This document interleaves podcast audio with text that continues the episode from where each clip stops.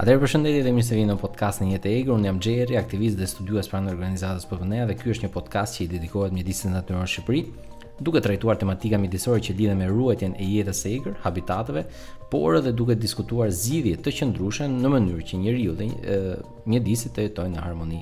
Ëm Ky është episodi i parë dhe bashkë me mua është kolegu Bledi Hoxha, ku do të flasim për një tematikë shumë interesante, siç është ajo e mishngrënësve të mëdhenj.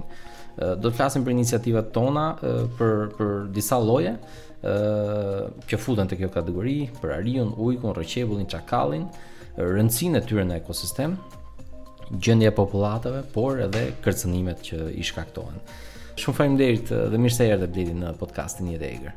Faleminderit Xheri, kënaqësi të jem në këtë iniciativë dhe të flasim siç e përmende dhe ti, mbi gjithë punën e mirë që ka bërë PPNEA kryesisht për monitorimin dhe mbrojtjen e gjitarëve të mëdhenj, po kryesisht të karnivorëve të mëdhenj. Pra, unë jam Bledi Hoxha, me profesion biolog, ekspert për uh, gjitarët e mëdhenj pranë PPNEA-s. Okej, uh, fillimisht uh, do të fokusohemi pak se uh, cilët janë mishngrënësit e mëdhenj uh, dhe si është popullata e tyre aktualisht uh, në vendin tonë, por edhe në krahasim pak me me botën dhe edhe rajonin ku jemi.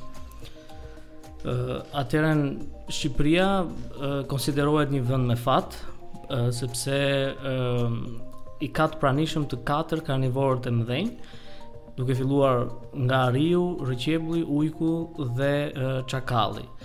Pra, them me fat sepse në shumë vende të tjera të të Bashkimit Evropian, ë këto lloje janë zhdukur ose disa prej tyre mund të ekzistojnë ndërsa Shqipëria konsiderohet një vend i pasur kryesisht për sa i përket biodiversitetit dhe Katër karnivorë të mëdhenj nuk janë pak, kështu që janë dhe shumë të rëndësishëm mbi rolin që kanë dhe shërbejnë si rregullatorë në ekosistemet kryesisht malore dhe kodrinore të Shqipërisë.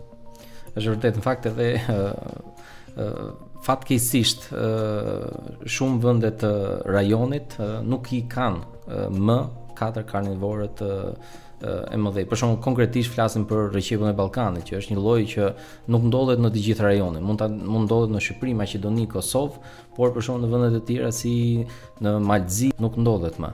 Ku ku, ku mund t'i shohim në në vendin tonë ose ku mund t'i gjejmë këto lloje në vendin tonë? Atëherë kryesisht për sa i përket tre mishngrënësit e, e parë si ariu, rrëqebulli dhe ujku, gjenden kryesisht në e, pjesën malore, pra në pyjet e, të cilat ndodhen në zonën malore të Shqipërisë, në pjesën nga veriu, krahu lindor dhe deri në juglindje të Shqipërisë. Atëherë ariu është i përhapur, pra gjendet pothuajse në të gjitha këto rajone që unë përmenda, po kështu dhe ujku, ndërsa rrëqebulli për shkak të numrit të ulët dhe popullatës të izoluar. Tashmë janë identifikuar dy popullata të vogla, një ndodhet në zonën malore veriore të Shqipërisë, në zonën e, e Munellës, e cila së fundmi është shpallur dhe park natyror, pra zonë e mbrojtur dhe popullata e dytë e cila është vërtetuar në 2020 ndodhet në ekosistemin Polis Valamar në pjesën juglindore të të Shqipërisë. Ndërsa Çakalli, Çakalli kryesisht është i përhapur në pjesën e bregdetit, pra në pjesën fushore, lumore, por ndërkohë vërejmë që përhapja e tij po ndodh edhe në ekosisteme të cilat janë të pazakonshme për ekologjinë e llojit, pra është fotografuar në në lartësi të të mëdhaja, si në në Valamar, po kështu dhe në Malin e Munellës.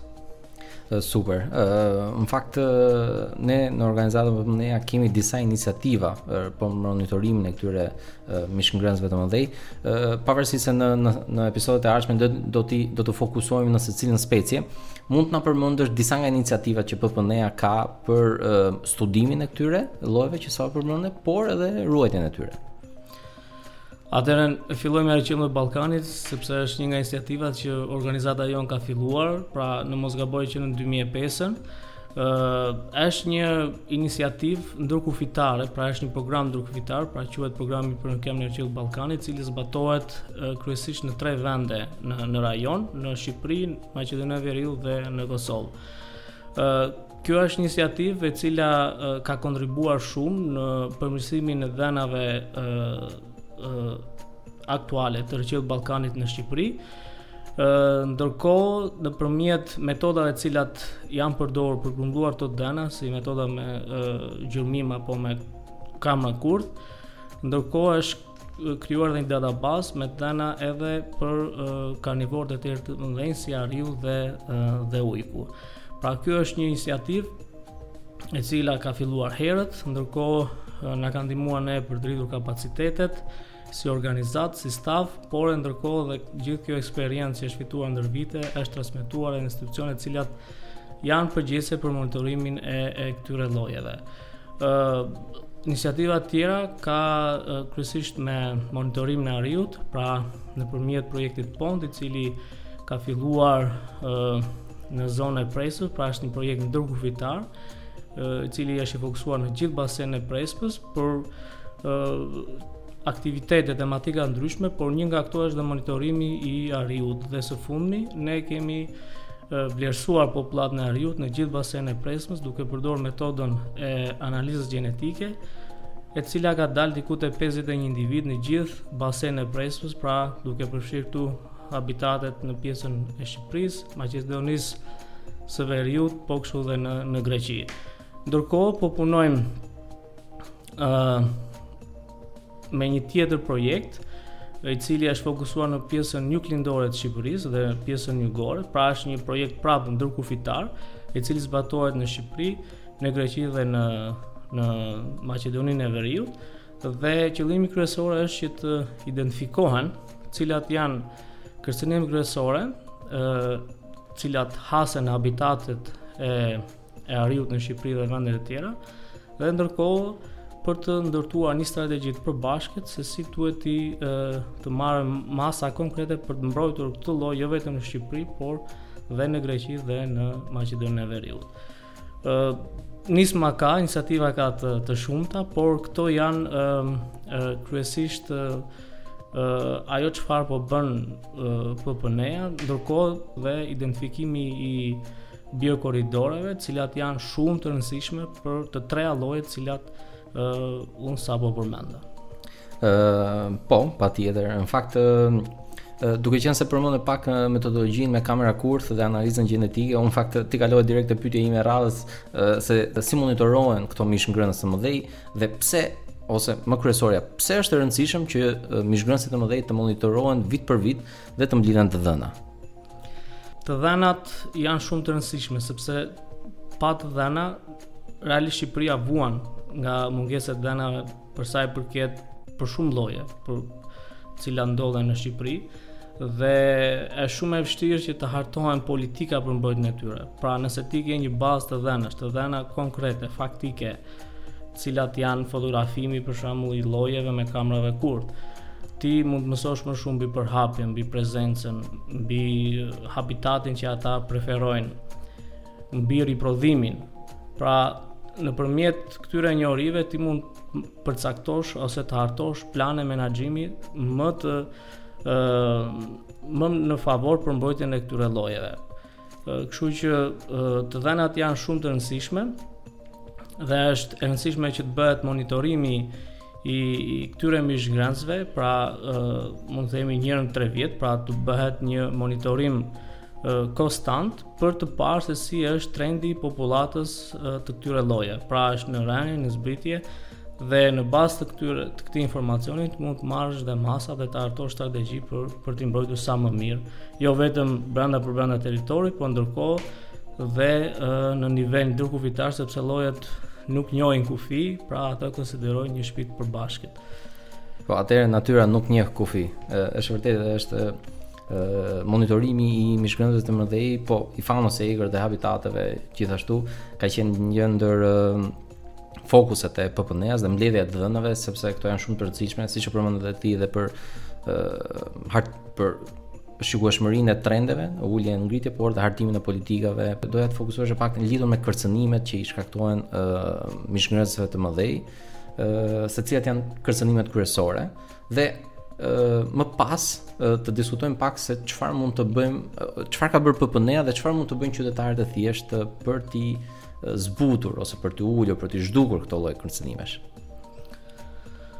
Ë uh, atëra për sa i përket kërcënimeve, kërcënimet janë të shumta dhe aktuale në Shqipëri fatkeqësisht. Kërcënimi kryesor është gjuetia e paligjshme, edhe pse uh, jemi në uh, në një fazë moratoriumi po. të gjuetisë, por fatkeqësisht ai nuk nuk është zbatuar dhe nuk po zbatohet.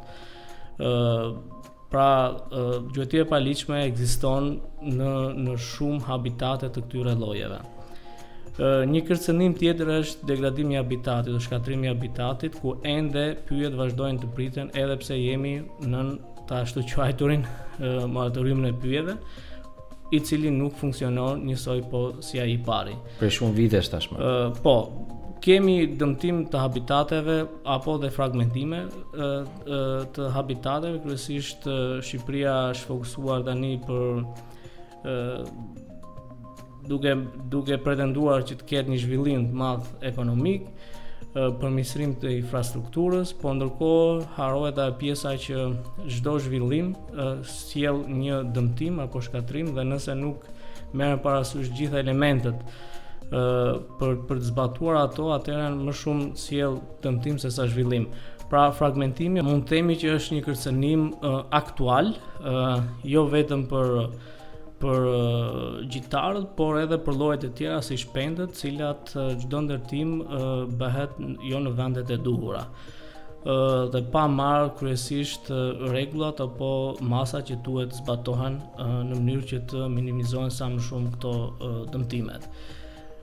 Kërcënim tjetër këtu mund përmendëm është edhe faktori i i për disa lloje për shembull siç është rrëqebulli i Ballkanit duke qenë i pakët në numër dhe popullata të cilat janë të izoluara, atëherë kërcënimi tjetër është dhe faktori gjenetik. Pra, ë këtu kemi një të bëjmë me një ulje të diversitetit gjenetik, çka do të thotë që ë në gjeneratat e ardhshme për shemb të këtij lloji mund të shfaqen sëmundje të cilat lloji nuk mund të përshtatet apo të humb plotësisht dhe për sa i përket elementi kryesor siç është riprodhimi. Këto janë kërcënimet kryesore, ndërkohë edhe për mishngrënësit për shembull të mëdhenj të cilët bazën ushqimore prenë e tyre kanë lloje tjera siç janë ungulatët, pra numri i ulët i tyre ndikon negativisht në rimëkëmbjen e popullatave të tyre. Këto janë vetëm disa nga kërcënimet kryesore, por padyshim ka edhe kërcënime të tjera që futen edhe te pjesa e krimeve mjedisore.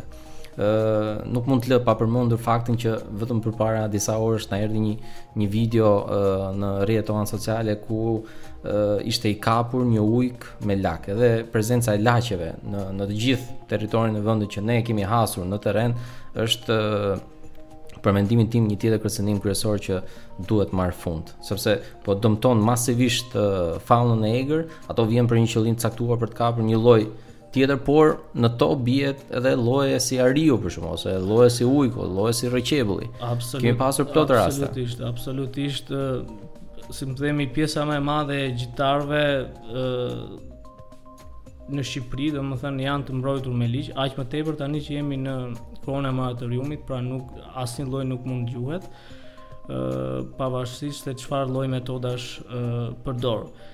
Ë mund të them është shumë e vërtetë që tani gjuetia e paligjshme është zëvendësuar komplet me atë që quhet gjueti e paligjshme e heshtur, pra duke vendosur uh, kurthe të tilla. Po. Pra uh, dëmtojnë masivisht uh, uh, faunën e egër, sepse aty nuk pra nuk është selektiv se çfarë do të se cila kafshë do ketë fatin e keq për për të ngecur aty.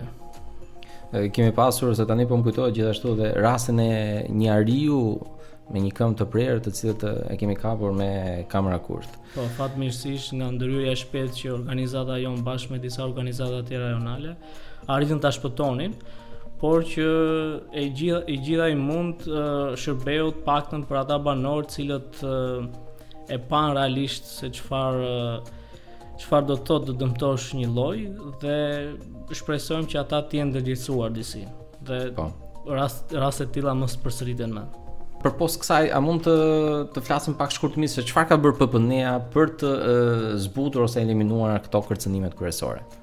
Në sajë të këtyre nismave që PPNEA ka marrë për mbrojtjen e, e gjitarëve të mëdhenj, ë Mund të përmend që një nga nismat kryesore ka qenë grumbullimi i të dhënave, përmirësimi i, i të dhënave mbi prezencën përhapjen dhe riprodhimin e llojeve, çka gjithë ky informacion ka ndihmuar kryesisht për, për të hartuar plane konkrete për mbrojtjen e tyre.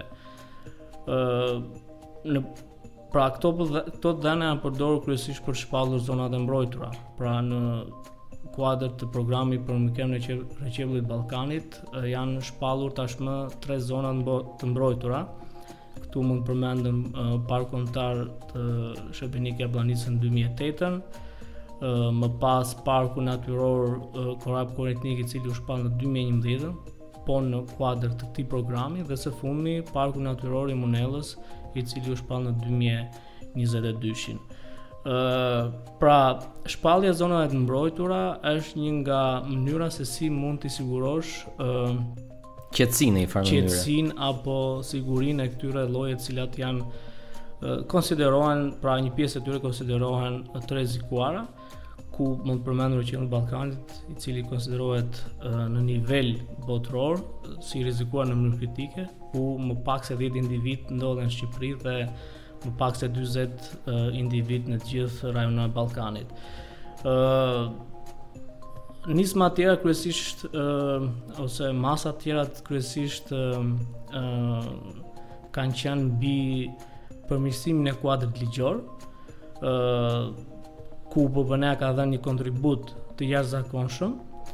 ë ndërkohë janë hartuar dhe strategji për sa i përket strategjitë e edukimit, komunikimit, janë ë përgatitur ë, kryesisht programe ë mbi edukuese mbi si për shembull mbi rrëqebullin e Ballkanit. Pra janë bërë shumë takime, janë bërë ë shumë trajnime në zona ku ky lloj ë është i pranishëm, pra ë trajnime me mësuesit apo takime me nxënësit, pra apo me komuniteti, pra në një farë mënyre ë është rritur ë shkalla e ndërgjegjësimit në këto zona ku rrëqebulli është i pranishëm. Dhe shumë e shumë të tjera të cilat ë janë shumë të rëndësishme domethënë që të përmenden, pra ajo që ishte kuadri ligjor, pra e theksoj. Po janë janë kyç. Pavarësisht janë kyç apo shpallje zonave të mbrojtura, të cilat i garanton mbrojtjen e llojit, pra po ndërkohë dhe habitatin dhe ndërgjegjësimi i komunitetit apo edhe të institucioneve të cilat janë ë ë përgjegjëse kryesisht mbi monitorimin e e faunës. Them ndërgjegjësim dhe trajnim në të njëjtën kohë sepse PPNEA ka dhënë gjithë ekspertizën të fituar prej më shumë se 15 vite në në aspektin e mbrojtjes së gjitarëve të mëdhenj, kryesisht karnivorëve të mëdhenj, e cila kjo ekspertizë ka kaluar në tek institucionet të cilat janë përgjegjëse për monitorim dhe për mbrojtje. Për sa i përket mbrojtjes, duhet të bëjnë më shumë. Patjetër, në fakt lidhur me ndërgjegjësimin, unë mbaj mend shumë mirë në vitet e mia pranë PPNEA-s, rreth viteve 2015-2016 kur shkoja në rajonin Pukë-Mirditë, shumë persona nuk nuk e njihnin si lloj, por edhe këtu në Tiranë shumë persona nuk e njihnin rrëqebullin si lloj dhe falë punës së PPNEA-s është bërë një një një arritje shumë e madhe në në në fushën e ndërgjegjësimit. Ë, uh, okay, uh, përpos kësaj dhe çfar çfar ka bërë PPNEA ndër vite lidhur me ruajtjen dhe mbrojtjen e këtyre uh, mishëngrënësve të mëdhenj, uh, mund të na thuash pak se çfarë mund të bëjë një qytetar i thjeshtë për mbrojtjen e këtyre llojeve? Atëherë, ë, uh, Është shumë e rëndësishme që të vështrimi të hidhet, domethënë, përtej institucioneve, pra, sepse ne shpesh i referojmë institucioneve, organizatave, por natyra i përket gjithëve, dhe atij banori që jeton aty në në zonë, po dhe një uh, banor tjetër që jeton në qytet, uh, mendoj që natyra uh, ka efekte të njëjta, pra ne jemi pjesë e natyrës, nuk mund të bëjmë dallime apo distancime të tilla. Ajo çfarë është e rëndësishme është që njeriu duhet të jetë më i ndjeshëm ndaj problemeve dhe të gjejë mënyrën për për të bashkuar forcat dhe zërin me me organizatat apo me grupet të cilat janë të fokusuara kryesisht në mbrojtjen e natyrës, pra zëri të vijë më i fuqishëm në mënyrë që institucionet të bëjnë punë konkrete, pra të bëjnë zbatime të këtyre aktiviteteve të cilat aty ku ka nevojë, pra të marrën të merren masa konkrete në në në terren. Kjo është shumë e rëndësishme dhe aktualisht ne këtu vuajmë. pra shumë ligje apo shumë uh, informacione janë të shkruar mirë në letër, por në zbatim ë uh, është shumë për të dëshiruar. Mungon pjesa pra, është vërtet. Çështja e ndjeshmërisë, çështja e koordinimit, e bashkëpunimit, ë uh, raportimit në kohë, raportimit në kohë i krimeve mjedisore për shembull ose raste të duhet të jetë domethënë secili nga ne duhet ta ta ndjej veten pjesë të natyrës. Pra, uh, ajo çfarë shikojmë është që ka një një tkurrje, pra edhe shumë gjëra vihen re, por ndërkohë përgjegjshmëria apo ky farë vullneti është zbehur disi. Duhet, duhet të jemi sa më të ndërgjegjshëm dhe më përgjegjës me natyrën, sepse natyra është ajo Ne jemi pjesë e natyrës, ti e the shumë mirë dhe pa natyrën nuk jemi ne. Të gjithë benefitet që ne marrim për mbijetesën tonë vijnë nga natyra. Okej, duke qenë se jemi në fundin e këtij episodi të parë, unë doja të të pyesja shkurtimisht lidhur me sfidat që grupi i monitorimit Has, gjatë monitorimit të gjitarëve të mëdhenj, dhe në qoftë se mund të na tregosh disa raste pikante për mirë, sigurisht, ose momente të bukura që ju keni hasur gjatë terrenit. Uh, në fakt pjesë e këtyre sfidave ke qenë dhe ti Jerry në shumë uh, aktivitete monitoruese për sa i përket rrëqebullit po edhe llojeve të tjera. Punosh në natyrë është kënaqësi, ndërkohë sfidat janë janë aty dom, nuk mund t'i shmangesh, aq më tepër kur ti punon ose bën monitorim e një lloji gjatë periudhës së dimrit.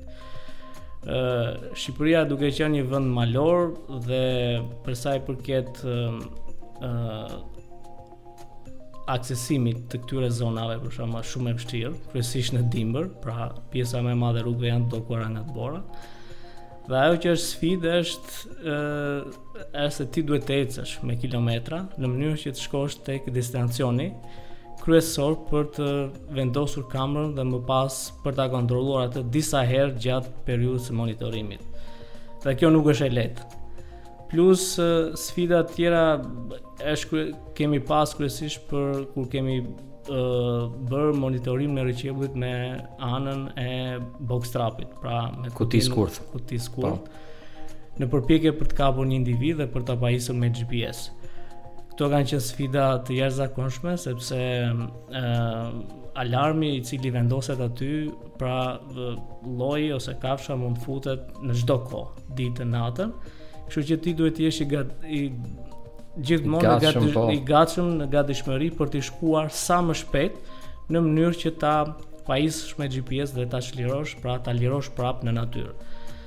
ë uh, mund të përmend uh, sfida ose Kjo sfidë ka qenë rezultat dhe sfidë në vetvete, pra fotografimi i rrëqebullit për herë të parë në malin e Munellës. Besoj duhet të jetë një nga momentet më të bukura në fakt. Një nga momentet më të bukura sepse mendohej që në Shqipëri mund të ishte zhdukur, pra nuk kishte asnjë të dhënë konkrete, pra flasim këtu për evidentimin e tij me anë të fotografisë, dhe ka qenë një gëzim i jashtëzakonshëm. dhe ndërkohë një përgjegjësi shumë e madhe për, për ta mbrojtur këtë thesar këtë simbol të natyrës shqiptare. Ndërkohë dhe zbulimi i i popullatës së rrëqebullit për herë të parë në zonën e Munellës, po kështu dhe më pas në 2010-ën në ekosistemin Polis Valamarë dhe së fundmi në Parkun Kombëtar të Prespës, çka është një arritje, rezultat shumë i mirë që organizata e, jonë ka e, ka patur si qëllim dhe ka realizuar. Është për t'u vlerësuar në fakt që çdo vit ne, ne hasemi me surpriza të tilla lidhur me me këtë lloj, por edhe me me lloje të tjera. Unë mbaj mend shumë mirë që ë çështja e kohës dhe e borës ishin një nga sfidat kryesore. Dhe një nga momentet më interesante që më vjen për të qeshur tani që e kujtoj është fakti që kur shkonim të të kontrollonim kamerat kurth për rrëqebullin e Ballkanit, na qëllonte që bora ishte aq e madhe sa që kamerën nuk e gjenim, domethënë mund të ishte sipër, mund të ishim përballë pemës, por nuk e shikonim nëse ishte sipër ose poshtë Dhe duhet të gërmonim me lopatë për të gjetur kamrën. Patjetër, emocioni fillonte pa, pa dal nga makina, domethënë pa filluar ecjen, sepse ti kishe, do më ki, ishin shumë sfida që ti duhet t'i realizoje. Një nga këto ishte që, ok, të arrije në destinacion, që ishte një destinacion shumë i largët, në kushte të vështira shumë të motit, ndërkohë meraku ishte a do gjejmë kamerën, për shkaqe të ndryshme, faktorët e e, e kohës, po ndërkohë edhe mos dëmtimi apo vjedhja, se kemi pas raste të tilla që shkoje, domethënë harxhoje gjithë energji dhe në fund fare rezultati ishte zero sepse kamera ishte dëmtuar ose ishte shkatruar. Dhe më pas që ishte ai meraku tjetër, a do punojë kamera, do punojë dhe çfarë do ketë fotografuar. Pra, të gjitha këto bënin një mix emocionesh, të cilat mbanin plot me energji deri në fund ditës dhe kur kthehesh në mbrëmje aty pastaj thjesht mendoje që sa shumë kishe hecur dhe çfarë me çfarë sfidash ishe përballur brenda një dite. Shumë interesante. Okej, në fakt jemi në fund të këtë këtij episodi. Unë e përmenda më parë ne në vijim do do të ftojmë ty uh, Ilirin gjithashtu ose Aleksandrin për të na folur konkretisht për lloje të caktuara si si rrëqebulli, ariu, ujku, ose çakalli. Patjetër, patjetër, këtu mund, mund të përmend që dhe të theksoj që monitorimi i, i kafshëve të tilla, i gjitarëve, llojeve të tilla, mishngrënësve nuk bëhet asnjëherë vetëm. Pra ne jemi një grup shumë i dedikuar, duke filluar me kolegun tonë Sandrin, Aleksandrin, me Ilirin, me Xherin, me Litjanin, edhe shumë kolegë të tjerë të cilët janë bashkuar me Jonin, Klaudion, Sabinën, Sabinën, Ledin, edhe kolege të tjera të cilat janë të shumta dhe kanë dhënë një kontribut të jashtëzakonshëm. Super. Okej, shumë faleminderit që dëgjuat këtë episod. Folëm siç e dëgjuat, folëm për mishngrënësit e mëdhenj, iniciativat që PPNEA ka për monitorimin dhe ruajtjen e tyre. Gjithashtu përmendëm kërcënimet dhe cilat janë masat që PPNEA ka marrë ose ose dhe ato që mund të merren për mbrojtjen dhe ruajtjen e tyre. Në në episodet e ardhshme ne do të trajtojmë uh, tematika të veçanta uh, dhe të detajuara lidhur me secilin nga këto lloje. Dhe shpresojmë që t'ju ketë pëlqyer kjo episod. Shumë faleminderit dhe na ndiqni në kanalet tona të podcastit dhe YouTube. Faleminderit Bledi që ishe pjesë e episodit. Faleminderit.